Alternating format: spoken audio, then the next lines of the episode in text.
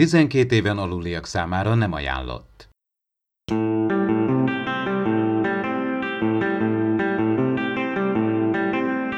Ez itt az Impulzus Podcast, az űrszekerek Star Trek tematikus epizód kibeszélője. A fedélzeten Csaba, Attila és Dave.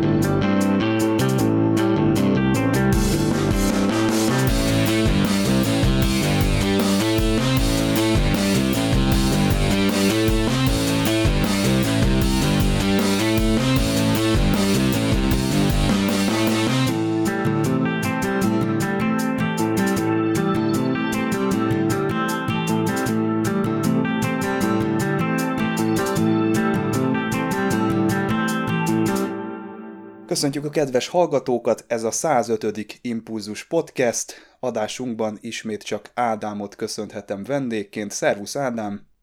Sziasztok! És Dév és Attila, állandó műsorvezető társaim is itt vannak, de sajnos belebrünnyögött egy autó a felkonfba, de remélem ezt ti nem hallottátok. Minden esetre sziasztok, srácok! Sziasztok! Sziasztok! Hát képzeljétek el, január 16-án lett 25 éves a Voyager. Boldog születésnapot kívánunk neki, ennek tiszteletére egy nagyon jó Voyager dupla epizódot választottunk a mai adásunkhoz, méghozzá a pokoli évet, ezt fogjuk ma kibeszélni, de mielőtt még belecsapunk ebbe a fő témába, nagyon sok hír érkezett, ezen megpróbáljuk átrágni magunkat itt a elkövetkezendő 15-20 percben. Mielőtt még rákanyarodunk a Picard hype-ra, essünk túl ezen a mozifilm híren, méghozzá azon, hogy egyrészt Noah Hawley egy kicsit ö, olajat öntött a tűzre legutóbbi nyilatkozatával, miszerint ő teljes mértékben a saját útját járja a Star Trek mozifilmjének a kidolgozásában. Ez azt jelenti, hogy ne hívjuk Star Trek 4-nek, ha lehet, és ö, lehet, hogy nem a Kelvin legénysége lesz a, a főszerepben és egy új legénységet ismerhetünk meg. Én egy kicsit remélem, hogy nem újra castingolják megint a körköt meg a spokkot, hanem egy másfajta legénység érkezik egy másik hajón, de ez lehet, hogy csak az én véleményem. Másrészt ugye Tarantino megerősítette, hogy hát ő nem valószínű, hogy meg fogja rendezni azt a filmet, ami az ő ötletéből készült forgatókönyv alapján készülne, de ettől még megvalósulhat, úgyhogy szerintem maga a Paramount is erre a két történetre alapoz. Na mit szóltok ehhez? Ti szeretnétek látni egy új körköt, vagy spokkot, vagy valami tök újat kívánnátok itt a mozivásznon? És egyébként én földobnám így hozzá azt a kérdést is, hogy szerintetek mekkora szükség van a filmes univerzumnak, a filmes Star Trek univerzumnak, Körkre és a legénységére? Hát szerintem elég nagy. Nem tudom, hogy ki menne be egy olyan Star Trek filmre, amiben az lenne ott, hogy Kovács József kapitány. Hát csak akkor mondjuk, hogyha előtte már Kovács József kapitány mondjuk lenyomott két-három évadot esetleg. Először bizony egy, legyen egy új legénység, ami már azt mondom egy sorozatba bejáródik valamennyire, és utána jöhet a mozifilmbe. De ha mondjuk fordítva történik, és mondjuk tényleg egy jó ütős ötlettel előjön na, és tényleg egy jó legénységet össze tudna hozni, színészeket is, akkor én azt mondanám, hogy semmi baj, nem kell azt mondom újra, újra és újra rebootolni a régi történetet, hanem akkor próbáljuk meg egy teljesen újjal. Én egyébként sokáig azt gondoltam, és azt is hangoztattam, hogy igenis a filmes univerzumnak szüksége van Körkre és az Enterprise legénységére, de hát azért a mostani trendek egy kicsit megmutatják azt, hogy következtetni engednek talán arra, hogy esetleg, ha bár nem is egy semmiből előrántott Star Trek karakter és legénysége, de hogy egyébként akár, akár még talán működhet is az új legénység, és erre egyébként most remek idő van. Annak én sem örülnék, ha most újra, újra egy ilyen újra körcasting lenne, kapnánk egy nyolcadik Spockot, egy nyolcadik körköt, jó harmadikot, de, harmadikat, de értitek, szóval ha, ha nem az eredeti szereplők vannak, akkor, akkor inkább legyen egy, egy Lower Decks, vagy egy más, más hajósztori. Star Trek, mint végjáték? Ez tök érdekes, hogy műfajilag is lehetne mozogni, nem csak, hogy másik legénység. Mm, ez majd a Lower Decks-nél kiderül, hogy, hogy mennyibe tud a Star Trek, mennyire lesz otthonos, hogy ö, ö, kifejezetten a, a, a humor. Rajzfilm az csak egy, egy formátum. Itt, itt mondjuk úgy, hogy tényleg ott is a, a dialógusokon, karaktereken ö, múlik az egész. Itt most ez egy nagy útkeresés, és a, a short tracks-nél is láttuk, hogy nem mindig jönnek be ezek a új ö, kísérletezések, hogy mondjuk például videoklip legyen egy, egy, egy epizód még egy ideig lehet, hogy kellene ez a körklegénység. Egy, egy mozifilm még pont belefért volna, esetleg egy átmenet, hogy időutazás, hogy valahogy visszatér eredeti idősikra, vagy pont egy teljesen másikra, és ott megnyitni az utat másik legénység, vagy egy ilyen oldal sztorik, mint a, a Disney-féle sztorik, hogy, hogy egy ismert dolgot dolgozunk fel, vagy, is, vagy eddig nem túl feldolgozó időszakot, de a Star Trekből valamiképpen ismerős dolgot veszünk elő, akit még nem fejtettek ki mondjuk a, a sorozatok, hogy legyen valami kapcsolódás is. Lehet, hogy érdemes Ádám kérdését abban a vonatkozásban is átgondolni, hogy nagyon nagy transformáció van itt a mozi világában, ugye olyan nevek nem találnak magukra, mint Scorsese, Robert De Niro-ra, Al Pacino-ra, kutya nem kíváncsi már, úgyhogy lehet, hogy ez a Star Trek a moziban, ez tényleg nem Kirk vagy Spock kérdése, hanem unblock föl kell tegyük a kérdést, hogy működhet-e még a Star Trek a moziban, és nem áldozott le az olyan Marvel univerzumnál kisebb dolgoknak, amik, amik valamilyen teljesen más irányba mutatnak, mint a nagy képregényes és nagy skifi univerzumok. Szerintem én azt mondanám, Csabi, hogy azért a Star Trek már nem egy kis univerzum azért. Ha megnézzük azért itt legalább itt öt legénység, nek a történetét láthattuk itt, vagy párhuzamosan, vagy pedig egy időségben széjjel húzva, tulajdonképpen 200 éven belül, tehát elég nagy univerzum ez ahhoz, hogy bármikor egy önálló történetet is ki lehessen belőle adni, hogy már megvannak a maga törvényszerűségei, idővonalai, meg rengeteg lehetőség van, még akár párhuzamos univerzumokat is, hogyha belevesszük, tehát olyan játszótér, ahol, ahova bármi idézőjelbe téve, bármilyen ötletet bele lehet gyömöszölni. Tényleg, ahogy Dave mondja, akár még egy vígjáték is beleférne. Hát az univerzum az nagy, csak ugye maga a piacképző ereje megvan -e ennek a dolognak. Igaz, hogy van 5-6 különböző idővonal, de hogy megnézi -e ezt valaki a, a rajongókon kívül, ami nem egy nagy moziba járó közönség.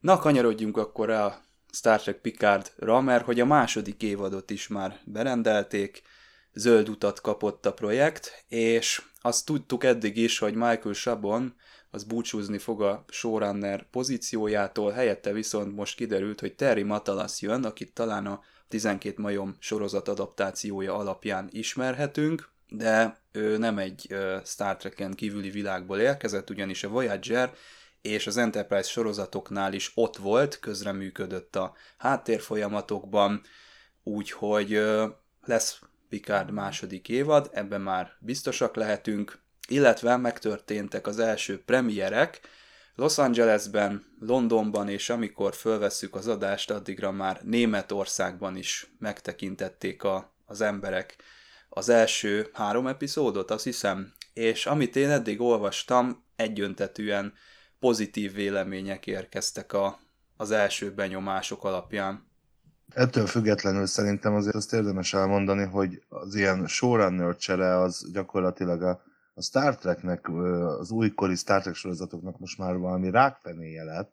A Discovery-nél is ugye voltak problémák, nem tudom, én azért azt gondolom, hogy ez, ez sosem jó. Én, én szeretnék egy olyan Star Trek sorozatot nézni, amit egy showrunner kitalál és megvalósít, mint amit mondjuk, mondjuk Brian Fuller tett volna. Ezek a, a hébe-hóba hozott ötletek máshonnan átvesszük, beugrok második évadra, okozhat meglepetést, és egyébként pozitívumot is, de én, én szeretném, ha, ha az ember a saját, vagy a, a producer a saját sorozatát gondozná, és végigvinné, és, és ő, ő alakítaná.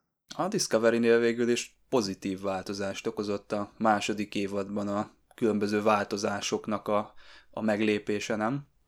Ó, abszolút, persze, tehát én sem mondom azt, hogy ez, ez rosszat jelent, hogy most a Picard második évadában más lesz a showrunner, csak szerintem az egy átgondoltabb, hosszú távon átgondoltabb dolog és, és stratégia ha, ha egy showrunner állandó a saját sorozatát viszi, nem csak egy ilyen másoktól otthagyott hébe-hóba szerkesztett sorozatát, szóval a Discovery esetében láttuk, ugye, hogy, ahogy te is mondtad, az első évad nagyon megsínlette azokat a problémákat, amik kiderültek, és utána ugye sok-sok változásnak hála azért a második évad sokkal-sokkal jobb lett, de hát azért ez jóval összetettebb adnál, mint hogy mondjuk egy showrunnert lecserélnek, de én azért amondó vagyok, hogy én nagyon örülnék, ezzel mindössze azt akartam mondani, hogy én nagyon örülnék, hogyha a Star Trek franchise-ban is működne az, hogy mint például a régi, a, a nagy, nagy éra Star Trek sorozatainál egy, egy csapat, egy ember gyakorlatilag mögötte áll, ez ugye most is ugye Alex Kurtzman személyében gyakorlatilag megvalósul, de hát mégsem az az igazi, és hát Kurtzman sem tűnik annak a szakembernek, aki, aki annyira jól tudja ezt a, ezt a hatalmas, hatalmas franchise-t irányítani, amennyire egyébként szerintem azt kéne, de ezzel most nem robok föl neki semmit, csak úgy általánosságban mondom, hogy, hogy a első lépéseket megtettük, most, most nagy ugrás jön a Pikárdal, és nagyon-nagyon fontos a hosszú távon a Star Trek sorsa, jelene tévés és mozis szereplése kapcsán, hogy most mit hoz nekünk ez a, ez a, mondjuk akár ez az év, vagy ez a néhány év, akár mozis, akár ö, sorozatos tekintetben. Én a Terry Matalasról, hát itt a 12 majmot ö, mondtátok, hát ö, én néztem, és majdnem végignéztem, de egyszerűen feladtam azt a sorozatot, ami nagyon jól indult, és aztán egy, egy néztetlen lett. Átugrotta a cápát? Igen, tehát elment egy ilyen ezoterikus hülyeség. Mindegy, de egyébként ott ő ilyen creator volt, tehát elég, tehát gyakorlatilag ő írta az egészet, az egész mind a négy évadot. Tehát a showrunner azért az nem egy elhanyagolható ember. Tehát ő nem csak egy jó iparos ember kell, hogy legyen, hanem eléggé rányomja a saját névjegyét a, a sorozatra. Tehát az Alex Kurtzman inkább, mint, mint általános ugye, televíziós szakember van a háttérben, és arra egy, ő egy, egy tényleg egy nagyon jó a mai világban és most, hogy összefogjon akár ennyi sorozatot majd, bár most már tényleg sok Star Trek sorozat lesz, amit már nem tudom hány felé kell neki osztódni. De azért egy showrunneren sok múlik, de hát lehet, hogy a Picard is sokat változik, hogy a másik évadban tényleg egy másik showrunner az lehet, hogy, hogy, hogy, hogy, hogy jó is lesz. Ugye ez a Brian Fuller féle vízió, ez a nagy mm, elképzelés, tehát ez a tényleg antológiai jelleg, hogy évadról évadra talán, hogy más-más hely, helyen, időségben vagy legénységgel játszolott volna a Discovery, Hát nem ez történik, vagy történt meg kvázi a Discovery-vel, hogy teljesen más volt az első évad, a másik és a harmadik meg megint gyökeresen más, ki tudja, mi lesz a negyedikben. Tehát mégiscsak azt valósítják meg, csak csak picit talán más. Nagyon szívesen olvasnom a Fullernek az eredeti elképzelését, hogy mi lett volna. Én tényleg nem szeretném elkézni Alex Kurtzman, de ha mondjuk földobom azt a témát, hogy néhány mondatban beszélgessünk Alex Kurtzman, Alex Kurtzman sikeres sorozatairól, vagy filmjeiről, vagy bármiről, akkor, akkor meddig érne ez a lista?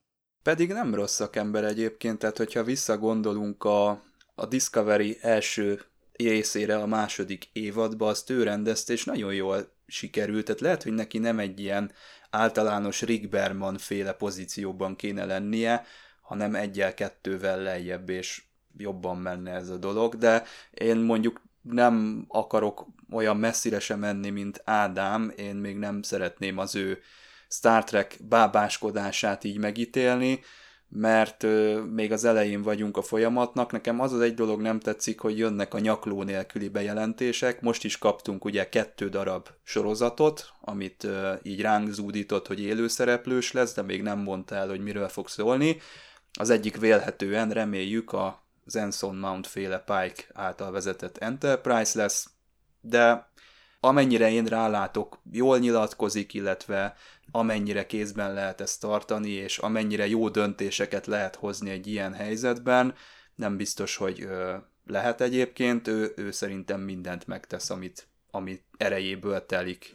Egyébként pontosan erre céloztam én is, hogy, hogy lehet, hogy nem ez a szerep való neki igazán, amit most csinál, de mégis egyébként ki csinálhatná más? Tudunk, tudtak olyat mondjuk akár a Star Trek közeli világból, aki mondjuk egy ilyen feladatot jól el tudna látni, és mondjuk egyébként ezzel a két élőszereplős sorozatról így nagyon-nagyon megfogalmazódott bennem már a bejelentéskor, hogy gyakorlatilag szerintem még ők sem tudják. Tehát rá kell kapcsolni, egyre nagyobb a verseny, egyre szűkül a piac, és nagyon gyorsan bedobták, hogy most akkor lesz még két élő szereplős, nyilván mondjuk erre megvan a, a stúdió szándéka, meg a, meg a pénz, meg minden más, de hogy egyébként szerintem ez a, ez a nyakló nélküliség, amit, amit te említesz, ez, ez, ez nem szűn meg azzal, hogy a, a szerencsére a Discovery nem úgy néz ki, mint annó a San Diego-i Comic-Conon bemutatták,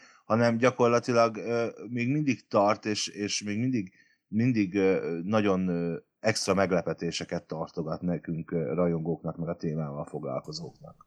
Én olyat ember tudnék mondani, akit el tudnék képzelni, de nem szívesen látnám ebben a pozícióban, mert ez nem egy hálás helyzet. Tehát Rick Berman nem volt egy népszerű ember, akár mennyire is most már mindenki szereti, és ha kikerül egy Rick Berman poszt a Facebookra, akkor mindenki nagyon örül, meg ugye a Brandon Braga, meg Orville, meg minden, de hát iszonyatosan gyűlölték a, a Brandon Bragát a, a rajongók a maga idejében, amikor ő volt ugye a, a Voyager-nél az egyik fő döntéshozó, úgyhogy ez egy, szerintem ez egy vesztett helyzet, sajnos.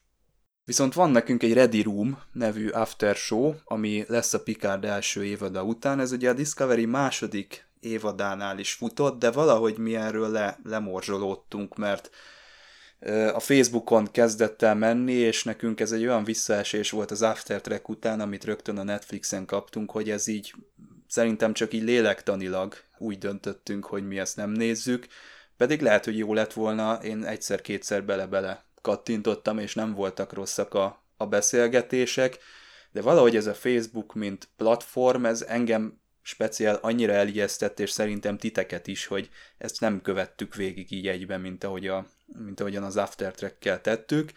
Na de most itt lesz ugye a Will Wheaton a műsorvezetőként, és több platformon is ez sugározódni fog, például azt hiszem, hogy a Youtube-on is lehet majd nézni. Szerintem egyébként nincs baj azzal, hogy ez, sőt, ellenkezőleg szakmailag is azt gondolom, hogy egy mondjuk egy Facebookos livestream, egy after show az, az előrelépés az eddigi letöltögetéshez képest, és egyébként sem tudtuk itt Magyarországon utólag, vagy élőben nézni, csak utólag.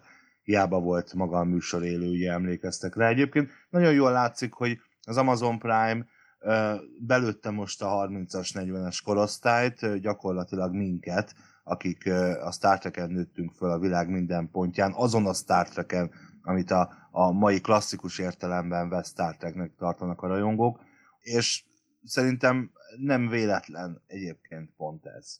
Az Aftertrack-et nagyon sajnáltam, hogy, hogy megszűnt, igaz, hogy egy napos késéssel, de ott lehetett nézni, és már akkor volt ilyen szó szerinti angolos, angol feliratozás, az sokat segített, és a Matt Májra az nem volt egy rossz műsorvezető, pont, pont egy ilyen kicsit harsányabb showman kellett oda, aki azért nagyon jó re- reagált az adott epizódra, rengetegféle formátum debütált ott a quiz kezdve a, ugye a különböző behind the scenes videókig.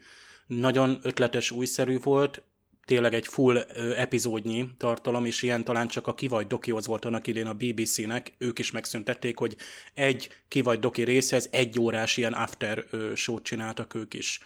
Hát nem tudom, hogy a CBS All Access-en a Will Wheaton megjelenik-e, tehát ezzel a, a Ready Room-mal, nyilván az lenne szerencsés, de az kétlem, hogy például például pont az Amazon Prime-on így hetente megjelennének az epizódok mellé, már pedig oda kívánkozik, hát pont ugye kicsomagolta a Csaba a Discovery második évados DVD-k, Blu-ray-eket, és nem volt ott például a, a short tracks, egyébként az after track se nyilván, de hát az lehet, hogy valami másért nem, de hát az összes short nem volt rajta. Tehát ilyen hiányérzte van az embernek, hogy hát ez oda kívánkozik, ott lenne a helye azon a platformon, amin a fő ö, sorozatot megjelenítjük, akkor miért nincs ott? Nekem is a Facebook kicsit még olyan, még mindig az a nem annyira komolyan vehető, mint teljes műsor, de szerintem inkább ilyen 20-30 perces lesz az eredeti room, nem pedig ilyen egy órát, mert a Facebook előtt nem ülnek egy órát az emberek egy videó előtt. Tehát egy, egy YouTube-nál már esetleg. Azért még megnézem, most megfogadtam, hogy nézem, mert kíváncsi leszek, hát Picard mellé mindenképpen. Dave, te a jövőbe látsz, mert olyan tartalmat mondtál be, ami még meg se jelent az űrszekereken, de hát a hallgatóink, nézőink természetesen számíthatnak erre a Discovery kicsomagolásra, ha már szóba hoztad. És folytatódik az űrszekereken a Picard visszaszámlálás, továbbra is ütős tartalmakkal készülünk számotokra, maradjatok velünk, amíg elkezdődik az első epizód január 24-én, utána pedig természetesen az impulzusban ki fogjuk beszélni nagyon részletesen, hogy mi történt a premierben.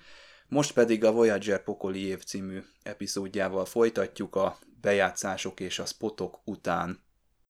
Tudományos és fantasztikus élményekre vágysz? Akkor csatold be az öveket és csatlakozz hozzánk a Parallaxisban. A Tilos Rádióban hallható szokolébresztő testvérműsorában kedvenc science fiction filmjeink és sorozataink hátterét vizsgáljuk, emellett pedig a filmvásznon és a képernyőkön megjelenő technológiák tudományos megalapozottságát feszegetjük Csabával, aki mérnök, Miklóssal, aki fizikus, és Ádámmal, aki nem. Az epizódokért kattints a tudományisfantasztikum.hu oldalra.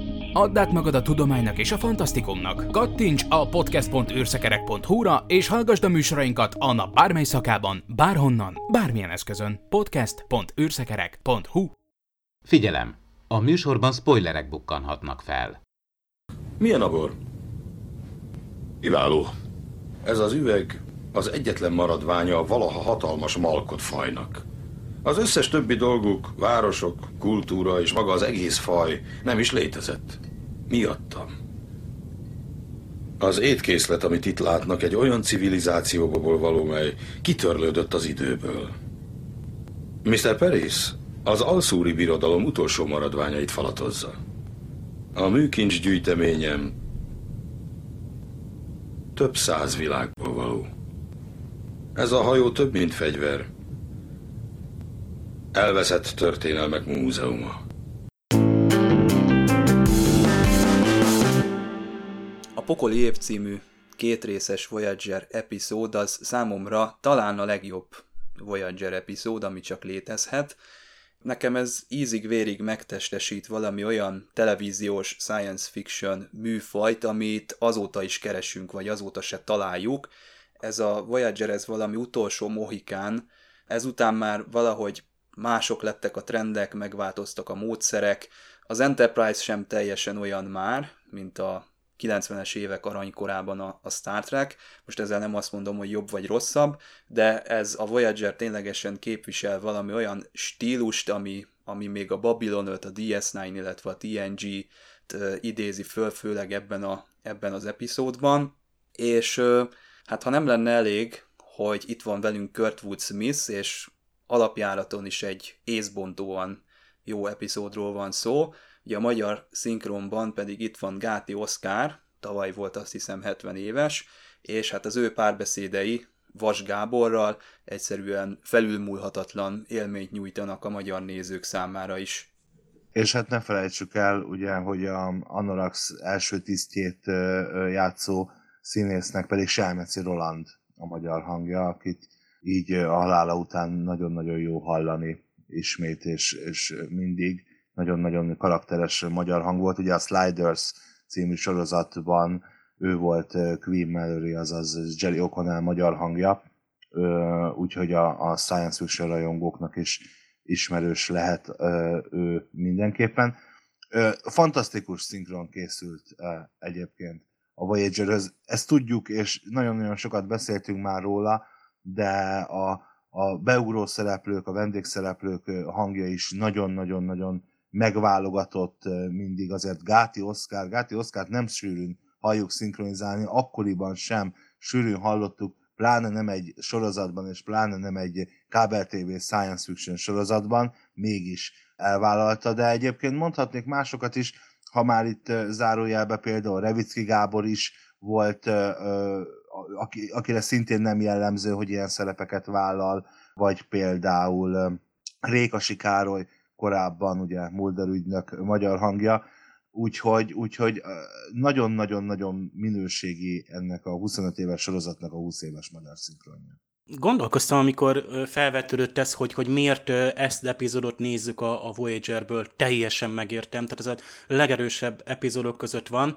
Ugyanakkor nekem a Voyagernek az alaphangulata, tehát az a valamivel, ugye itt a Deep Space Nine és az Enterprise között készült sorozatról beszélünk, de már a TNG után. És, és amit talán van, aki föl is ró, hogy ez egy kicsit könnyedebb, talán hangulatosabb sorozat, és nekem az epizódok között is inkább azok a kedvenceim, amelyek, amelyek valamiképpen kalandosabbak, romantikusabbak, tehát nekem például a kedvenc időutazós részem a Future's End, és ott van egy nagyon klassz románc például a Tom Paris és a, ugye a Sarah Silverman által alakított Rain Robinson, akit a Brennan Braga be akart hozni a színésznőt, hogy ő folyamatosan bekerült volna, őt is magunkkal vitte volna Voyager a jövőbe, csak aztán jött ugye nyilván a Seven, ugye, és ő is nagyon jól bevált. Szóval ezek a nagy dupla epizódok nagyon nagy kedvencek, de nem kell meg a Basics a kazanos rész is, a Killing Game, vagy a, a Workforce, az is ilyen elfejtett rész, pedig tök jó alap ott is. Az Equinox, az mindenkinek nagy kedvence. Tehát a Timeless, mind időutazós rész. Tehát ezek annyira jó ötleteket, pedig már ugye a Voyager az sokszor újra használ Star Trek és science fiction ötleteket, de ennyire hát furfangos, eredeti stifi ötlet, mint az, hogy ugye úgy avatkozunk be az időbe, úgy változtatjuk meg, hogy kitöröljük gyakorlatilag gyökerestül, vagy éppen helyre állítunk idősíkokat, és itt gyakorlatilag tényleg a, az alapvető tudományos, fantasztikus gondolatokkal játszódozik ez az epizód, tehát hihetetlenül erős. Tehát ez is egy mozifilm lehetett volna, akár egy Voyager mozifilm, vagy egy regényben olvasod, azt mondod, hogy hú, de jó még akkor is, ha már több íródozós sztorit olvastál. Nekem ez, tehát ez a történelm átírása, történelmből való kitörlés, ezek a tehát ezzel a legnagyobb science fictionök játszadoznak, ez, ez, ez úgy szólva a hardcore sci a játszótere, és hát tényleg Kurtwood Smith, Gáti Oscar hangjával, az baromi jó, az a szereplő az az anti, antagonista, akit szeretsz, akinek megérted a motivációt. Nem tudom, a top 10-es listánkban hol volt, de biztos, hogy egy előkelő helyen. Talán egyébként pont a sorozat könnyedsége engedte meg, hogy ennyi jó időutazós rész szülessen ebben a sorozatban, mert azért valljuk be, lehet, hogy ezt, bár Picard kapitány alatt is például voltak időutazások, sőt ugye a Deep Space Nine legénysége. Gyakorlatilag körkapitány hajóján tett látogatást, de hogy egy, egy fantasztikus epizódban, de valahogy, valahogy e, ebben a sorozatban fogadtuk el talán mi rajongók, de javítsatok ki, ha ti ezt nem így gondoljátok, az idő mahinálásával, az állandó, az állandó mahinálásával, ugye Janeway Blackstone kapitány is mondja a Real, Relativity című részben, ami mondjuk a telistádról kimaradt, Dave, ennyi benye, mert szerintem egyébként az a legjobb időutazós, bár nem dupla, de epizód, én azt egy dupla részen keresztül kicsit bonyolultabb cselekménnyel szívesen néztem volna tovább, de visszatérve szóval, talán, talán mégis, uh,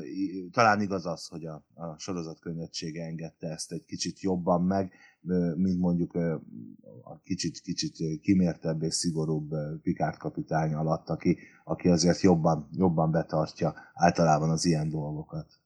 Én egy nagy összeget tettem volna rá, Dave, hogy elhangzik tőled ma az, hogy ez akár mozifilm is lehetett volna.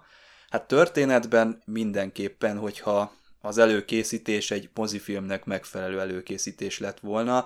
Szerintem ez tipikusan televízió, tehát amit látunk a végeredmény, az, az tipikusan egy, egy televíziós ö, megvalósulás. Ma mondjuk azt a, a sorozatokra, hogy ez már egész mozifilmes, de igazából azok sem mozifilmesek, ö, nagyságrendi különbségek vannak például a CGI között, de az, hogy ez ennyire televíziós, ö, szerintem az előnye a Voyagernek, tehát ez is erősíti azt az érzést, hogy ez már valami, valami kihalt fajnak a képviselője, és egyben egy segélykiáltás is ez az epizód úgy érzem, mert már nagyon-nagyon tendál a Battlestar Galactica felé, tehát itt a Tuvok sínyli meg legjobban, mint szereplő a, a történéseket, ugye itt ő megvakul, de a készítők ennél sokkal jobban meggyötörték volna őt, azt hiszem, hogy az egyik lábát azt el is veszítette volna, meg még számtalan dolgot kitaláltak, de aztán idő és erőforrás hiányában ez nem valósult meg.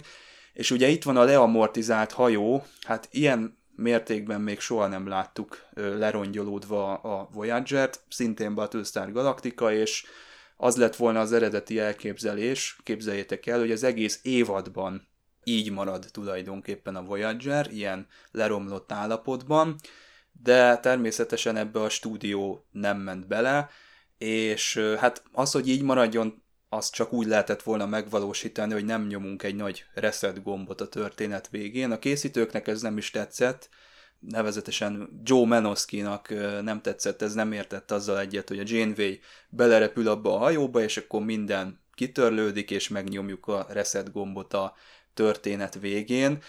Itt már, már ordította a, a televíziós science fictionről, főleg a Star Trekről, hogy már jó lenne átlépni ezt a dolgot. Ezt nem úgy mondom, hogy ez levesz a, az epizódnak a megítéléséből, vagy a jóságából, vagy bármennyire is lerontja az élményt, de ha tovább gondoljuk, akkor itt már ordít erről, hogy, hogy tovább kell lépni. Itt a tévében már nincs mese, egy új korszakot kell nyitni, ez nem mehet tovább, hogy mindig ilyen, ilyen epizódikus ö, legyen a science fiction, és mindig, mindig ilyen kalambó jellegű, hogy ugyanazt ö, mutatjuk meg egy-egy 45 perces epizódban, és én azt hiszem, hogy ezek az ilyen, ilyen határfeszegető epizódok, segítették elő azt, hogy megszülessenek ilyenek, mint a Battlestar Galactica, vagy a Firefly, vagy éppen a Stargate Universe, vagy az Expanse, vagy az utána következő sorozatok.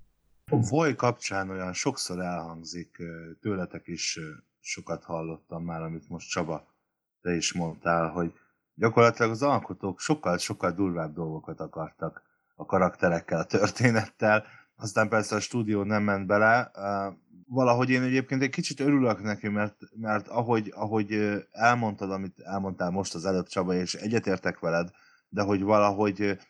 Ide nem illett volna bele, abba teljesen egyetértek, de megnyitotta szerintem azt a fajta csatornát, ami, ami lehetővé tette, hogy más kifikbe viszont tegyük bele. Ezzel, ezzel én is abszolút egyetértek. A resetről, hát a amikor már nagyon le van pusztulva a hajó, akkor azért már vakarod a fejedet, ha mondjuk először nézed, hogy itt, itt valahogy ezt, ezt, ezt, ezt, hogy állítják helyre a Voyager-t. És Janeway kapitány hogy állítja helyre, ugye ez a helyreállítás, hogy állítja helyre a Voyager-t, és mindent, sőt még magát Anoraxot is rezeteli, és rezetelni kellett, tehát az Anorax módszerét használja arra, hogy helyreállítsa vagy lenullázza ezt a, ezt a dolgot. Hát nyilván az Anorax meg a Csekot is valami ilyesmit akart, hogy hú, ugye jó, sőt még, még bátrabban, hogy hú, Voyager-t annyira rezetelni, hogy az alfa kvadránsba jusson vissza, és soha nem érted a kvadránsban. Bocsánat, hagyj kérdezzek valamit tőled, vakarod a fejed? Tehát egy időutazós részben vakarod a fejed, hogy na vajon hogy fogják feloldani a konfliktust? Nyilván, Igen, hogyha... de észrevettétek? Az összes fő, a legénységet elviszik a, a mentőkapszulákban, túlél mindenki.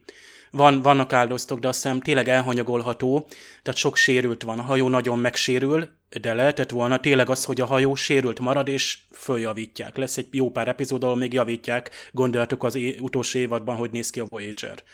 És a Janeway, mielőtt megcsinálja ugye ezt a kamikáze akciót, elküldi a főtiszteket. Tehát még ott is reménykedsz, hogy itt persze a főtiszteket elküldik, hogy túlélnek, tehát nem rezet lesz a megoldás, hanem a Janeway valami furfangot fog kitalálni a végén. Vagy kisugározza az utolsó pillanatban, és Voyager is valahogy megúszta. Tehát igazából nem láttad előre százszerzalékosan, hogy ennek reset lesz a vége, vagy az kell, hogy a vége legyen, mert a készítők szépen, ugye, ha például a fő karaktereket megölik a epizód közben, akkor tudod, hogy ilyen nincs, hát ez egy Voyager epizódban nem lehet, itt csak reset lehet a vége. Itt viszont ügyesen játszadoztak veled, hogy, hogy végig elhintették azt, hogy itt lehet egy, egy reset nélküli megoldás is. Ez is azért van, mert a maguk a készítők sem tudták sokáig, hogy mit csináljanak. Volt egy olyan történetszál ebbe a pokoli évbe, amikor hetekig vakarták a fejüket a készítők, hogy hogy tömjék be, és hogy hogy írják meg ezt, hogy, hogy ilyen jó legyen a végeredménye, hogy mondtad, hogy a, a nézőben ne forduljon meg, hogy jó, oké, reszet lesz a vége, mert meghalt valaki. Tehát ez e, nem volt triviális abban az időben. Elgondolkodtam, miközben mondtátok, és miközben Dave mondta ezt, és igazatok van, e, mert hogy ugye visszakérdeztem, hogy egy időutazós részben vakarod el a fejed, és valóban így, így van, ahogy mondjátok, mert rögtön például az az epizód jut eszembe, ami egyébként szerintem szintén jó epizód, de amikor Harry Kim kiesik az űrben és meghal. Tehát, hogy így tudjuk, hogy itt valami, valami lesz, ez vagy holofedélzet, vagy de most tök mindegy, hogy mit mondok, milyen példát, de hogy ez itt nem a valóság, ez nyilván nem történik meg. Ma már egyébként, hál' Istennek hozzáteszem, a, a sorozatok nem bánnak ennyire kesztyűs kézzel a, a szereplőikkel, akár főszereplőket is pikpak kiírnak, úgyhogy szerintem egyébként ez egy pozitív változás, de ö, visszatérve az eredeti témához, valójában igazatok is van, meg nem is. Én próbáltam visszaemlékezni arra, hogy mit, mit gondoltam, mit éreztem, amikor néztem ezt az epizódot, de, de sajnos nem emlékszem rá, úgyhogy lehet, hogyha újra előre, előről látnám, akkor én is így lennék vele, mint ti, hogy, hogy nem tudnám biztosan, hogy, hogy leszed, de valahogy szerintem én úgy gondolom, hogy a sorozat szellemisége, vagy az attitűdje, vagy az egész, egész milliója az, az egyébként engedett arra következtetni, szerintem azért persze nem lehettél benne biztos, mint ha mondjuk meghalt volna egy főkarakter, főleg így, hogy Tuvok is csak lesérült, és nyilvánvaló, hogyha úgy lett volna az évad, hogy mondjuk nincs és egész végig, akkor mondjuk más dolgok történnek, akár durvább, akár nem durvább, tehát akkor nyilván más lett volna az epizód, de, de ettől függetlenül nem tudom, nem tudom. Ez egy érdekes, érdekes felvetése. Én így idején mindig, mindig igyekszem úgy nézni, amikor így újra nézünk epizódot, vagy filmet kibeszélés kedvéért, mintha akkor először látnám, és próbáltam most így megnézni ezt a részt is, de hát sajnos azért amellett nem lehet elmenni, hogy már emlékszem a végére, tehát... Kéne egy reszet az agyban ilyenkor. Gondoljatok bele, hogy a az Enterprise harmadik évadáig kellett várni egy teljes évadon átívelő árkra, és addig erőltetve volt a stúdió által, hogy bár, bár az Enterprise már egy teljesen új, új vizuális élmény, új díszletek, minden új volt, de mégiscsak ez a régi történetmesélés volt beleerőltetve az első két évadba. Azt is élveztük természetesen Star Trek rajongóként, de már érezni lehetett, hogy a televízió kirobbanna, egy új forradalom van a küszöbön, de, de nagyon nem jön, és ezt nem, nagyon nem a, a Star Trek fogja elhozni számunkra. Viszont itt van az előtte és utána című epizód. Emlékszel erre, Ádám? Készült egy audio kommentár velem és a űrszekerek egykori főszerkesztőjével, ami aztán nem lett publikálva. Igen, igen, az is egy jó időutazásos rész, bár én nem annyira szeretem ezt karakterét. Igen, ott benne volt a Kesz, itt meg nincsen benne a Kesz, úgyhogy ez ilyen látszólagos ellentmondásnak tűnhet, de szerintem ez az, amit ott a Kesznek látunk a kvázi jövőjébe, az valami alternatív jövő. Abszolút, és ezt egyébként el is fogadjuk, és van más rész is, ugye például, amikor a doktor ellopott tartalékegységét megtalálják egy múzeumban, és nem tudom, 800 évvel később ott dumálgat, szóval ezeket úgy elfogadjuk.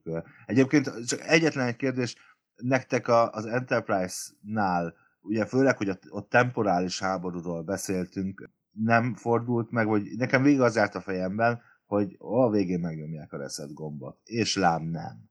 Arra számoltam, hogy nem csak a ö, 400 évvel későbbi csatát mutatják meg, hanem valahol más időségben, nem csak a múltba ugrálnak vissza folyamatosan, mint látjuk, amikor a szindikot biofegyvert akartak, hanem valahova mondjuk, mit tudom én, esetleg felbukkannak akár a, akár a Voyager-en, akár az Enterprise-en, akár a DS9-on átcserék, hogy egy ilyen, gyakorlatilag egy ilyen, mint egy időjárőr, ha valaki ismeri a regény sorozatot, egy ilyen valami ilyesmivé átmegy valamelyik évadba a sorozat. De végül is nem lett, mert hát csak gyakorlatilag a temporális háborút a harmadik évad végén gyakorlatilag azt mondták, hogy Kanyec filma egy alternatív múltba lezárták gyakorlatilag.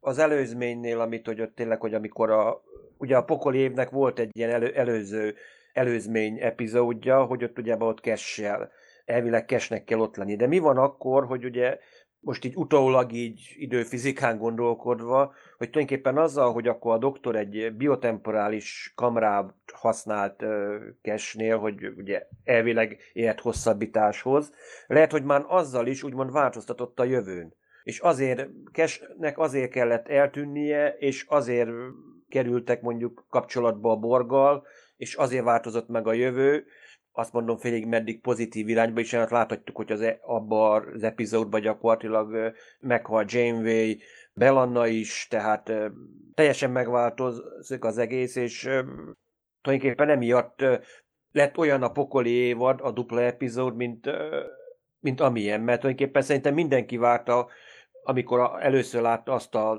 előzmény részt, hogy na, lesz egy pokoli évad, esetleg mondjuk tényleg létrejön, hogy ez nem csak egy úgymond egy jövőbe látó vízió, hanem tényleg ezt meglátjuk epizódba, és akkor ahhoz képest tényleg nem azt kaptuk, amire számoltunk, mert hoppá, már eltűnt kes, hát akkor mégse lesz ilyen pokoli évad a Lenny McKell, pedig tudjuk, hogy a Lenny McKell fogunk találkozni.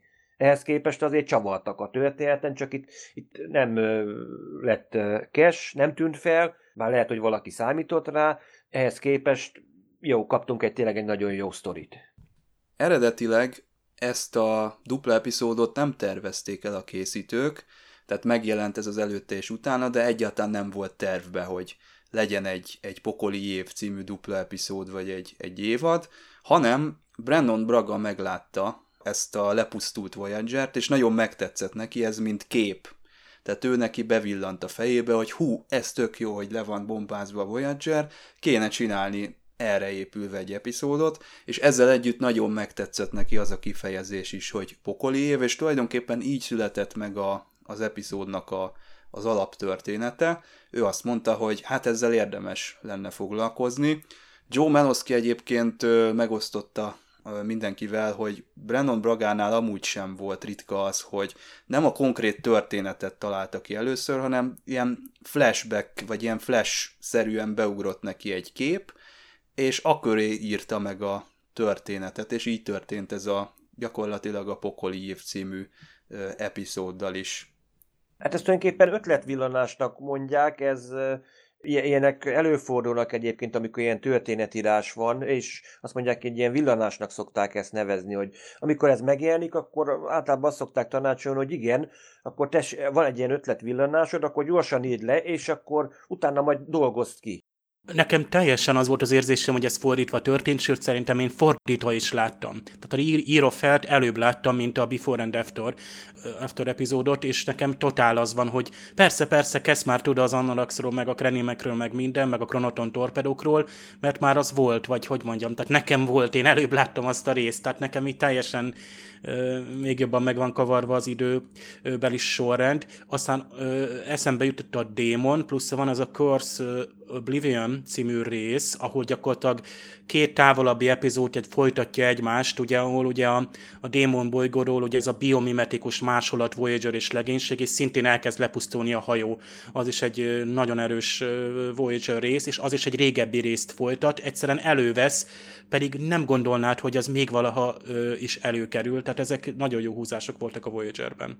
És tegyük hozzá, hogy itt említette Csaba, hogy elvileg arról volt szó, hogy akkor egy lepukkant gyakorlatilag tényleg egy roncshajóval mennek, és tulajdonképpen ezt majd később, ha emlékeztek a Cindy évadban az Enterprise-nál, ezt szinte végigvitték a Azati Prime csata után, hogy gyakorlatilag ott, ott romok között kellett sétafikálni, és tényleg a hajó egészen addig, amíg haza nem tért, addig tényleg ki volt juggatva jobban, mint egy egydámi sajt.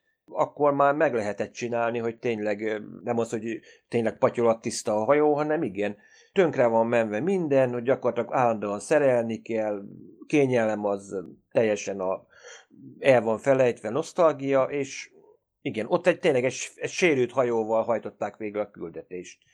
Mondjuk érdekes lett volna, ugyanezt a Voyager-rel megcsinálják, ez, ez tény és való. Itt viszont a Voyager-nek a, a pokolévnek a befejezésén is az is nagyon jó gyakorlatilag a magát az okot megszüntettük, ami tulajdonképpen a problémát okozta, mert maga az időhajó volt a probléma. És maga Annorax is, amit tett, amit tett, hogy aminek megint van egy egyébként egy érdekesség, hogy azt mondja, hogy ugye egy idegen fajjal találkozott a, találkoztak a krenimek, ő pedig gyakorlatilag megsemmisítette őket, és akkor hurrá, hurrá, Krenin birodalom nagy. Igen, ám, csak volt egy, a másik ö, fajnak, ezek szerint valószínűleg nagyon hasonlítottak Renimekhez. Volt egy olyan antitest, amire szüksége lett volna az ő fajuknak, és amikor jött a járvány, gyakorlatilag védtelenek voltak. Na most a Babylon 5-be van egy epizód, ott például a hiákoknál elkezd a doktor nyomozni, és kiderül, hogy volt egy, ajfaj, volt egy másik faj is az ő bolygójukon, és hogyha ők muszáj voltak azzal keveredni, mert különben akkor ők is ilyen genetikai, meg egyéb ilyen probléma lett volna, és akkor utána fogták, és akkor ezeket az emberek, azt a fajt valamiért kiétották a hiákok, és utána jöttek a problémák, és eltitkolták mindenki elől, és nagy nehezen a doki ezt kinyomozta, hogy hoppá, itt baj van, mert akkor ti is halálra lesztek ítélve, mint mondjuk egy másik faj, és akkor elkezdtek keresgélni, hogy még néhány túlélőt keressünk ezekből a másik fajtából, mert különben az egész elpusztult. Tehát nem mondom, hogy ez egy eredeti ötlet, de ha egy hasonló ötletek azért voltak benne, és az Andromédában is volt egy hasonló egyébként valamelyik a 5.-6. évad környékén. Ami viszont ezt a történetet abszolút eredetivé teszi, az az, hogy Anorax emberi tulajdonságokkal ruházza föl az időt, tehát gyakorlatilag úgy gondol rá, mint egy szeszélyes entitás, aki megbünteti őt, vagy aki, aki éppen kedve szerint cselekszik. Ez Joe Manoszkinak, a társszerzőnek, illetve Kurtwood Smithnek is nagyon tetszett, hogy így oldották meg.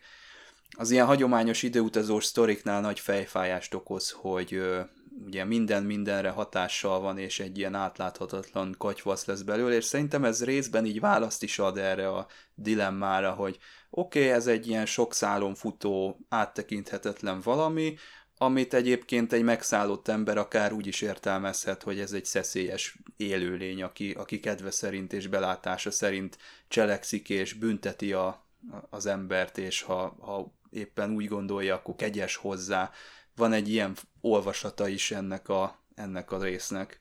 Azért ennyi szóval borderline személyiségzavara van, szóval azt azért tegyük hozzá. Emlékeztek, amikor egyik alkalommal ott egy bolygót akar megsemmisíteni egy civilizáció, azt mondja, hogy ihlete volt az éjszaka, és akkor mondja, hogy hát akkor, hogyha kipusztítom ezt a fajt, akkor 52%-ba helyet tudom állítani a Krenin birodalmat. Tehát tényleg, mintha nem is számításokon törni a fejét, meg mindenféle ilyen történelmi dolgok, hanem ilyen iklete van, hogy na, ezt, a, ezt elpusztítom, akkor valamelyes helyet tudom, megint elkezdhetek építkezni, hogy helyreállítsam a történelmet. Pedig nem látta azt, hogy a legelső lépésnél van a baj a Csekoté az valamiért mégiscsak lát ebben fantáziát, tehát ő a néző azt látja, hogy nem, nem a küldetés érdekében működik vele együtt, hanem őt tényleg érdekli ez az egész, és emlékeztek, van egy olyan jelenet, amikor a Csekoté maga hajt végre egy szimulációt, Nekem végig az járt a fejemben, hogyha ez egy mai sorozat lenne, akkor ez egy ilyen Ender's Game típusú jelenet lenne, tehát kiderülne a szimulációról, hogy valójában nem is szimuláció, és a Csekoté igazából elpusztított volna ott nem tudom hány fajt, meg minden. Lehet, hogy ezt így csinálták volna ma már. Amikor németül néztem, én tényleg azt hittem, hogy ott az üstököst ott megsemmisítette, és amikor utána annak mondja, hogy gratulálok, és akkor most hirtelen 8000 világot gyakorlatilag kitörölt a létezésből. Hát akkor sóhajtottam fel, hogy hoppá, ez csak gyakorlat, mert jó, annyira nem értettem németül, de tényleg akár meg is történhetett volna. Másrészt meg viszont tényleg Csekoti tényleg kíváncsi erre az egészre, hogy ő neki a tudászomja itt ebbe az epizódba kicsit felülemelkedett valamelyest a lojalitása. Jó, nem teljesen, mert azt mondja, hát, hogyha visszaállítjuk a jövőt, akkor lehet, hogy éppenség a Voyager nem jut el ide, és akkor esetleg megkerülje az egészet, és akkor nem találkozunk vele, vagy valahol, valahol megakad, és más út, útvonalat választ. Tulajdonképpen itt valamelyest, itt a, itt a tudományos kíváncsiság a kicsit a lojalitással eléggé hadilábon át, hogy kicsit most a kíváncsiság, hogy hogy is működik ez az időmechanika, mint amikor a gyereket mondjuk beengeded így a cukorkaboltba, és látod, hogy van itt minden, amiről csak, amiről csak álmodtál. Hát az időtechnológiáról mondjuk biztos, hogy a bármelyik kadét álmodott, hogy na most akkor megváltoztatom az univerzumot. Utána persze azért megtanulják, hogy hát azért ez nem úgy megyen, hogy na időben. Karizmatikus ez a Kurt Smith az a helyzet, olyan kicsit, mint az ötödik mozifilmben, amikor jön a Spocknak a soha nem látott rokona, és uh, ugye őt is elkezdik követni. 200 éve tulajdonképpen uh, ezt csinálja gyakorlatilag, hogy valahogy lelket kell venni a legénységből, hogy akár akarta, akár nem, meg kellett tanulnia, hogy mit csináljon, és van egy látomása, hogy igen, jó, mindig azt mondja, hogy jó, helyreállítom a Krenin birodalmat, helyreállítok minden, de valójában egy, azt mondom, hogy egy, egy, egy mánia egyetlen egy gondolata van tulajdonképpen, hogy visszakapja a családját tulajdonképpen. És ez egy Tehát, nagyon fontos dolog. Ez fontos, ez, ez nem, egy nem hatalmi az ő, ő motivációja, hanem személyes. Nem, a, nem azért akarja visszaállítani a birodalmat, mert a hadúr, hanem azért akarja visszaállítani, mert a Mert hiszen már visszaállította, tehát 98%-ig már sikerült neki. És pont, pont azt, azt mondja, hogy nem. nem siker, nem, pont az, ami a lényeges, az nem. És hogy persze akkor nyugodtan leülhetne, vagy én vagyok a Krenin birodalom császára, meg minden egyéb, de nem. És egyébként az ilyen, a személyes oknál pokolip hajtóerőt, extra üzemanyag, ennél nagyobb nincsen. Van Nincs. a mánia, amit te is mondtál, tehát ha, ha helyreállítja is a birodalmat és a feleségét, akkor is tovább ment volna, mert mániájává vált az, hogy ő igenis, hogy képes az idővel bánni, átírni, és egy molekulát vagy egy egész civilizációt is, is befolyásolni. Tehát ez a hatalom, ez gyakorlatilag már erősebbé vált. Hát nézzetek meg az utolsó jelenetet. Ugye Janeway kapitány végül is rezetelte a, a, az Anoraxot. De milyen állapotára? Az Anorax még mindig ott tervezgeti a, a, az időhajót, hiába, hogy ott van a felesége. Tehát ő gyakorlatilag hiába, hogy ott van és ép és egészséges a birodalom a felesége, még mindig ugyanazon van, ugyanaz a hajtóerő van benne, tehát igazából újra kezdődik az egész. Emlékszel a időutazós, tudod, az időgépfilm, tudod, ami 90-es évek végén van. Tudod, hogy ott mutatta a, az orkoknak a vezetője, Jeremy Irons játszotta, hogy megmutassa a időutazó embernek, hogy mi lett volna, hogyha nem, nem hal meg a barátnője. Elmennek a kocsolya pályára Londonba, és akkor megtámadják őt, és akkor a lány. És akkor azt mutassa, hogy mi lett volna, hogyha tényleg meg a feleség minden, hogy mutat egy ilyen víziót neki, hogy igen, családja van, gyerekek, és gyakorlatilag a, az időgép az csak, csak egy papírra vetett terv marad, hogy tényleg boldog és egészséges. Tehát lehet, hogy itt is Anorax, hogy mégis félreteszi, mert végül is ott van a család, és eszébe se jut, hogy na most akkor mégis meg kéne építeni. Viszont abban viszont igazad van, hogy ez mánia. Mert jó, visszakapná a birodalmat, visszakapja a feleségét, a családját, minden, de utána már na, tényleg azért azon gondolkozna, hogy soha többé semmi ne fenyegesse se a feleségét, se a családját. Tehát minden potenciális veszélyforrás, és gyakorlatilag minden, ami nem krenim, gyakorlatilag az neki veszélyforrás lenne, és akkor tényleg szó szerint olyan írtó hadráratot csinálna, hogy gyakorlatilag ő maga olyan szörnyetegé válna, hogy maga a felesége azt mondaná, hogy inkább, inkább ne is éljek. Tehát megundorodna tőle. Érdekes, hogy itt a Tuvok és a Seven of Nine között, mint hogyha valami erősödne, azt nem mondom, hogy kezdenek összemelegedni, de mint hogyha itt lenne először az, hogy ők így a, a, a racionalitás talaján így valamilyen hidat találnak, és ugye kibeszélik a, a hetesnek ezt a szobatársát, aki széthagyja a ruháit, és a, a tuvok az meg nagyon tud vele azonosulni, ráadásul ott szembe is jön a Nilix, és kérdezi ezt az idétlen kérdést, hogy most hogy szóljon az a riadó, és gyakorlatilag ott nekem úgy tűnik, mintha így kicsit egymásra találnának, és nem csak nekem tűnik így, hanem Tim Russ is azt nyilatkozta, hogy egy ilyen alternatív vonalon, hogyha ezt így meghosszabbítanánk, akkor lehet, hogy ez tovább folytatódna ez a szimpátia. Ez ilyen visszatérő motív, ugye a Nélixből ilyen alternatív időségokban mindig ilyen biztonsági tiszt lesz, mert ugye ő ezt akarta, csak hát a Tuvok az, az, az nem igazán nem igazán volt emellett, hogy, mert ugye Nélix az,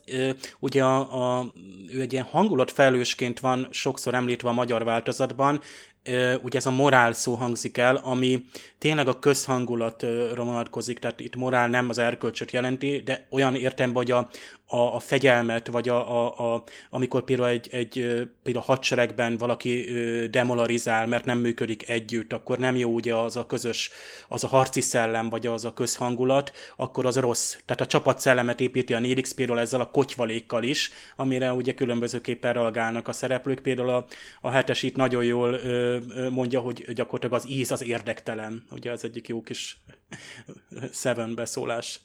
Nagyon jó a Voyager szinkronja, tehát hogy Ádám is elmondta, ez tényleg egy, egy aranykor volt a, ugye a sorozatos szinkronizálásban is, az alapstáb is nagyon jó, a vendégszereplők, tehát hogy egy Gáti Oscar van, mondjuk a Kurt Smith is egy, egy, egy kiemelkedő vendégszereplő, és én még meghallottam itt Pálfai Péter hangját is, aki hát a Deep Space Nine-ban Quark, de itt egy Krenim, egy ilyen visszatérő tiszt, mert a később is az epizód végén is figyelmezteti a voyager hogy ez egy vitatott terület, is menjenek innen, és nekem mindig ilyen jó kis áthallás, hogy persze, hogy, hogy nyilván nem a Quark, Quarkról van szó, de azért az ő hangját így hallani. Akkoriban persze sokat szerepelt Pálfai Péter sorozatokban. Nem nagyon tudnék belekötni a magyar szövegbe itt már annyira standard és jól működik az a terminológia, tehát ha arról van szó, hogy subspace, vagy akár az, hogy space-time continuum, tehát a téridő continuum annyira jól hangzik magyarul is, szubtérfokozat, térhajtómű, tehát itt teljesen rendben vannak, nem igazán kell ezekre kitérni. Annál izgalmasabb viszont, hogy gyakorlatilag az idő szemléletnek, vagy időmechanikának egy teljesen új szemléletét kapjuk ebben az epizódban, tehát még gyakorlott Star Trek nézőnek is azért itt helyre kell tenni, hogy mi történik és mit csinál az Anorax. Ezeknek a magyar fordítás is nagyon jól sikerült. Tehát amit az Anorax csinál, abból gyakorlatilag, ahogy a csekot is kezd beletanulni, és leckéket vesz tőle szinte, úgymond egy terminológiát lehet fölépíteni. Tehát mi is az, amit csinál az Anorax, ugye elhangzik többször ez, hogy eradicate, vagyis törlik, igazából ennek egy sokkal erősebb hangzása van eredetileg, hogy gyökerestől megsemmisít, teljességgel kiírt. Itt bizonyos tényezőket ö, semmisít meg az Anorax. Ez egyébként a legdurvább beavatkozás, ez nem egy finom hangolás. Ami a célja neki, ugye ez többször elhangzik, hogy temporal restoration, ugye ez a helyreállítás, a restauráció, valaminek a rekonstruálása, hogy visszanyerjük, vagy meggyógyítsuk ugye az időfolyamot, tehát ő nem is feljavítani akar először, hanem csak helyreállítani egy eredeti állapotot. Ez is tök jól visszatér a magyarban. Keresi az ellenhatásokat, ugye ezek az indikátorokat, illetve counter indikátorok, nem is tudom mi az eredetiben, és többször elhangzik ez az altered history, a történelm átírása hogy megváltozott, vagy átváltozott történelm, a történelmből való kitörlés, hiszen gyakorlatilag az időből való kitörléssel, úgy például Csekotinál is ez a keserű lecke, ha az lett volna, ha nem szimulációról van szó, hogy egy üstökös kitöröl, de hát annak ugye hatása volt ott az élet kialakulására. Mintha sosem létezett volna, ez is többször így előfordul, ez is borzasztóan tetszik, hogy, hogy, hogy mi az, amikor mintha valami sosem létezett volna, de akkor senki nem emlékszik rá, hogy kitöröljük az agyunkból, és ugye ezt kell felfogni egyébként ezeknél a időtózós epizódoknál, hogy a, ilyenkor a, időn kívül vagyunk, lásd a Voyager is, és a, a Anorax időhajója is, tehát ott ők tudnak erről, és ő számukra úgy változik meg az idő, vagy a, a behatások során úgy változik meg, hogy ők viszont tudnak ezekről az alternatív, vagy ugye azokról a igazából megtörtént dolgokról. Tehát ez egy nagyon furcsa, ez egy, ez egy tényleg így el is torzulhat a, a személyiséget, ha te végig ilyenekkel foglalkozol. Csekoti tök jól mondja, hogy amikor az Anorax bevar egy lyukat, egy másik kezd kifestni, ez is nagyon életszerű, ahogy itt Csaba mondtad is, hogy az Anorax az gyakorlatilag egy entitásként képzeli el az időt. Tehát ő, ugye az elveszett történelmek múzeumáról beszél, az időnek színe van, hangulata, a múlt jelen jövő együtt lélegezik, és most ezt nem bűn kimondani, hogy ö, egyként léteznek. Ö, de hát ehhez már tényleg isteni hatalommal kell bírni, egy egyszerű humanoid az, az nem biztos, hogy ezt, ezt felfogja. És a végén a Janeway, annélkül, hogy Anarax tanítványa lenne, ezt az ő is ugyanezt mondja ki, ugyanezt a kifejezést, hogy ő is ez a restore, tehát helyreállítja az egész történelmet, tehát ő is gyakorlatilag az Anarax módszerét használja. Apróság volt, amit meg lehetne említeni, hogy ugye ez a ö, hajónak különböző részeit nem mindig hozzák át a magyar batán, azért, mert az angolban egy szó, például starboard, ugye az a hajónak a jobb oldala. Ezt nem szokták lefordítani, mert túl hosszú átírni. Ugyanúgy itt szóba kerül egy másik része, itt közeledik egy, egy hajó, ugye a, a, a Voyagerhez, és azt sem mondják meg, hogy honnan közeledik, mert ott is bonyolult lett volna körbeírni, hogy off the port bow, ugye a hajó baloldi előrészén ezt jó is, hogy kiadják a magyarból, és, és egy picit ö, ö, rugalmasabbá válik a, a magyar változat, de minden más Star Trek terminológia tekintetében ö, tök jó. Ö, egy érdekesség maradt ki, hogy van egy ilyen, hogy pre-warp, tehát a térhajtómű előtti állapotba zuhant vissza az egyik ö, civilizáció, és egy csak annyival magyar, hogy primitívebb állapotba. Végül is ö, itt is egy picit ö, kihagytánk, de gyakorlatilag csak egy, egy finomítása. Szóval nagyon jó, nagyon jó magyar szinkron, ezt magyarul is érdemes megnézni, de akár, akár angolul is újra nézni. Egy poén a végére, hogy a jól jön némi fémáru, ugye amikor a Janeway a csillagkörben rejtőzik a Voyager-rel, ugye itt fémáru, itt a hardware-ről volt szó az eredetiben. Hát igen, itt a, a Voyager-nek szövetségeseket kell keresni, különben hát ugye magára van hagyatva. Ezt már csak én teszem hozzá, hogy egyszerűen az, hogy elhagyja a legénység a Voyager-t, és majd találkozunk valamikor, számomra ez volt a legkieltenebb dolog, amit, tehát a Voyager az tényleg az az otthon, ami körülvesz és azt így elhagyni a hajót, de hát ez már inkább az epizód értékelő, és nem a, a szinkronhoz tartozik.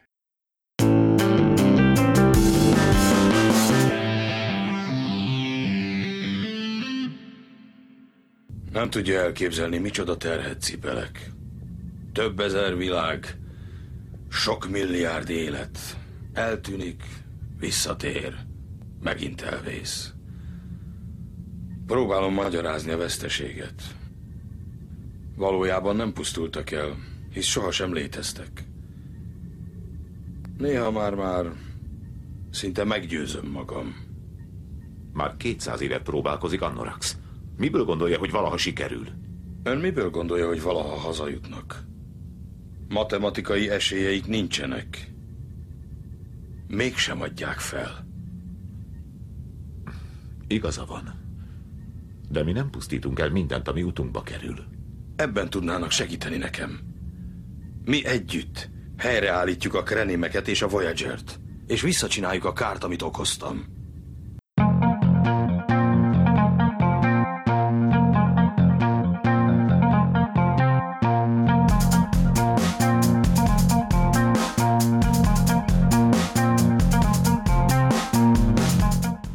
Epizód számomra kicsit olyan, mint a Kill Bill, és hát most mielőtt még meglepődnétek, azért olyan, mint a Kill Bill, mert számomra a második epizódban nyer minden értelmet. Az első az önmagában, hát nem mondom azt, hogy nem mond semmit, de nem annyira erős szerintem. Tehát ott megtörténik a Kronoton torpedókat megkapja a Voyager, sodródik előre a történet, de a jó mondatok, a, a megfelelő karakter pillanatok, azok mind-mind a második epizódban vannak elhelyezve, és utólag nyer értelmet ezáltal az első epizódban lévő történések is.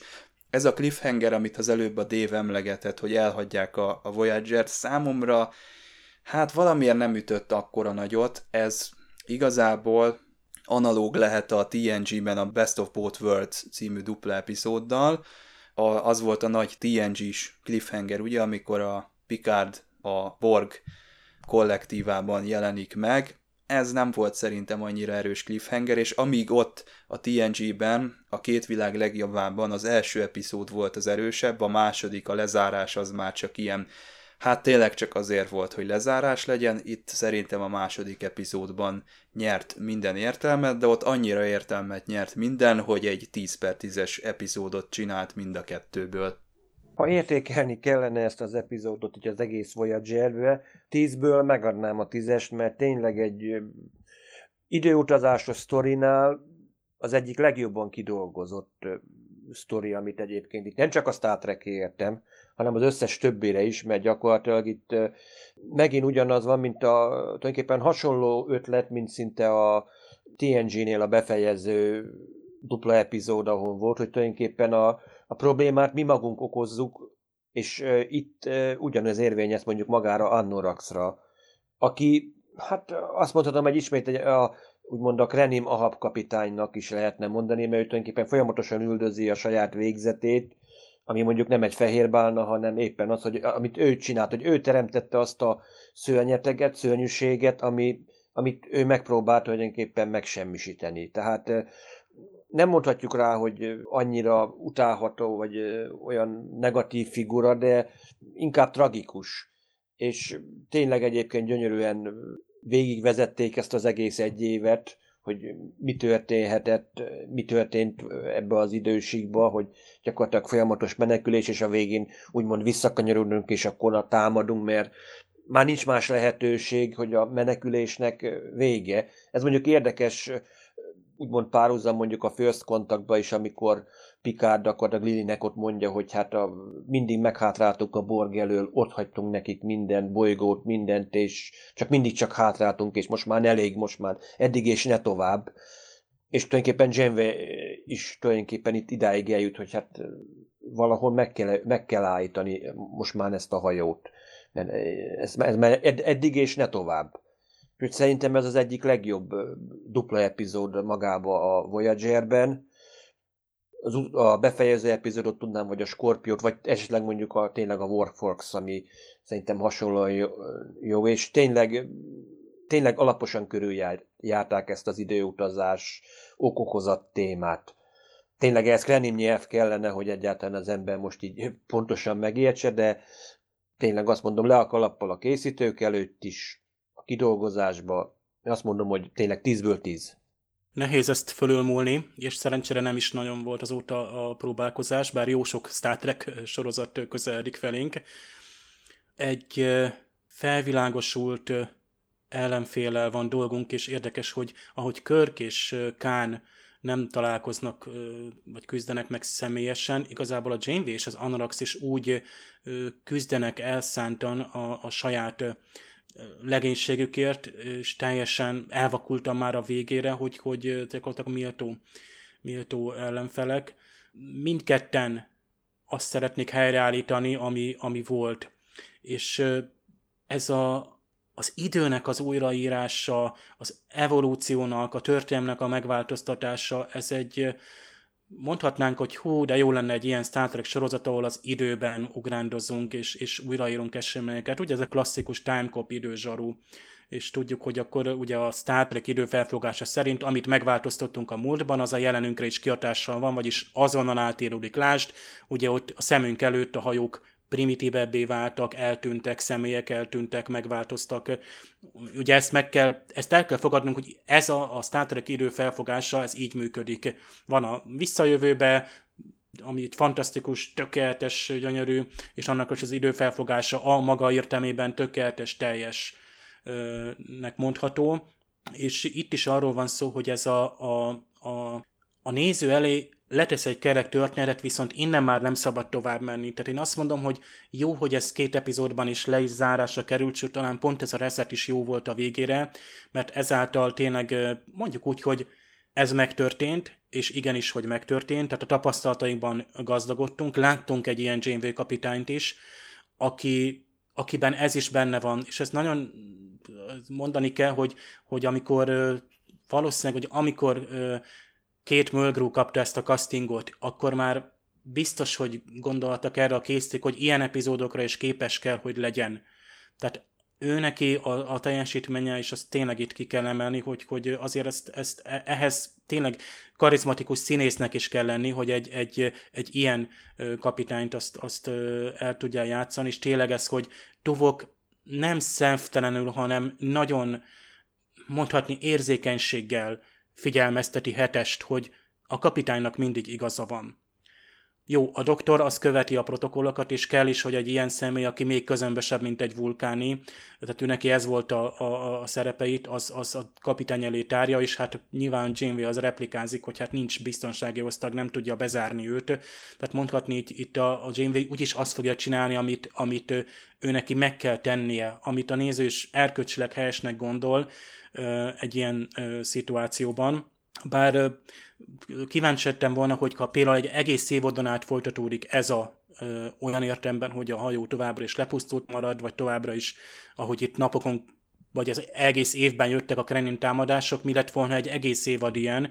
Én, én megvalom, hogy nem örültem volna, tehát én ezt, én ezt a Voyager-ben túl sötétnek tartottam volna, még, egy másik sorozatban igen, az, az, ott, ott már az Enterprise-ban, már a, a évadban, ott elfogadod, az Archer is tesz ugye olyat, ami, amivel gyakorlatilag ő árt másoknak, hogy a, az Enterprise-nak oda kell írni, hogy a, a Degrával találkozzon. Tehát ott vannak ilyen olyan szituációk, ahol igenis van egy nagyobb erkölcsi jó, ami érdemében ugye morálisan megteszel ö, olyat, amit, amit lehet, hogy nem lenne szabad, vagy a szabályokon túlmész, és ezt a Janeway nagyon jó egyensúlyban ö, tartja. Attila jól mondta, Ahab bálnája ezúttal az idő. És egyébként Kurtwood Smith-t ö, amúgy személyesen is nagyon szeretem, és nem csak mondjuk a Robot miatt, hanem ö, mondjuk a legjobb retrokomédia az azok a 70-es évek showban nyújtott fantasztikus, hihetetlen alakításaként, ö, alakítása miatt Redformanként hiába szitkomról van szó, azokban is lehet nagyon-nagyon jókat alakítani. Ott egyébként Csankó Zoltán szintén egy nagy ágyú szinkronizálta. Maga az epizód pedig a legjobbak közül való, de mégsem tartozik a kedvenceim közé, viszont kiemelkedő dupla rész, ez biztos. Szereplők nagy része kimozdult a komfortzónájából, ahogy maga a sorozat is, és hogy idevágó legyek, egy, egy nagyon kellemes időtálló gyöngyszem egy 25 éves skifi sorozattól. Hát köszönjük szépen, Ádám, hogy megint ide tudtál transportálni az impulzusba. Köszönöm a meghívást. És nektek is köszönöm Attila és Dév, hogy a szokásos szakértelmet biztosítottátok a műsor hitelességéhez. A Picard visszaszámlálás, ahogy mondtam, folytatódik. Pénteken megnézzük az új részt, és vasárnap pedig már hallhatjátok a véleményünket az új sorozatról, és ne felejtjétek, hogy áprilisban lesz kapcsolatfelvétel napja, az is nagyon közeledik, ott pedig személyesen fogunk tudni találkozni. Addig is tartsatok velünk, sziasztok! Sziasztok! Sziasztok! Sziasztok!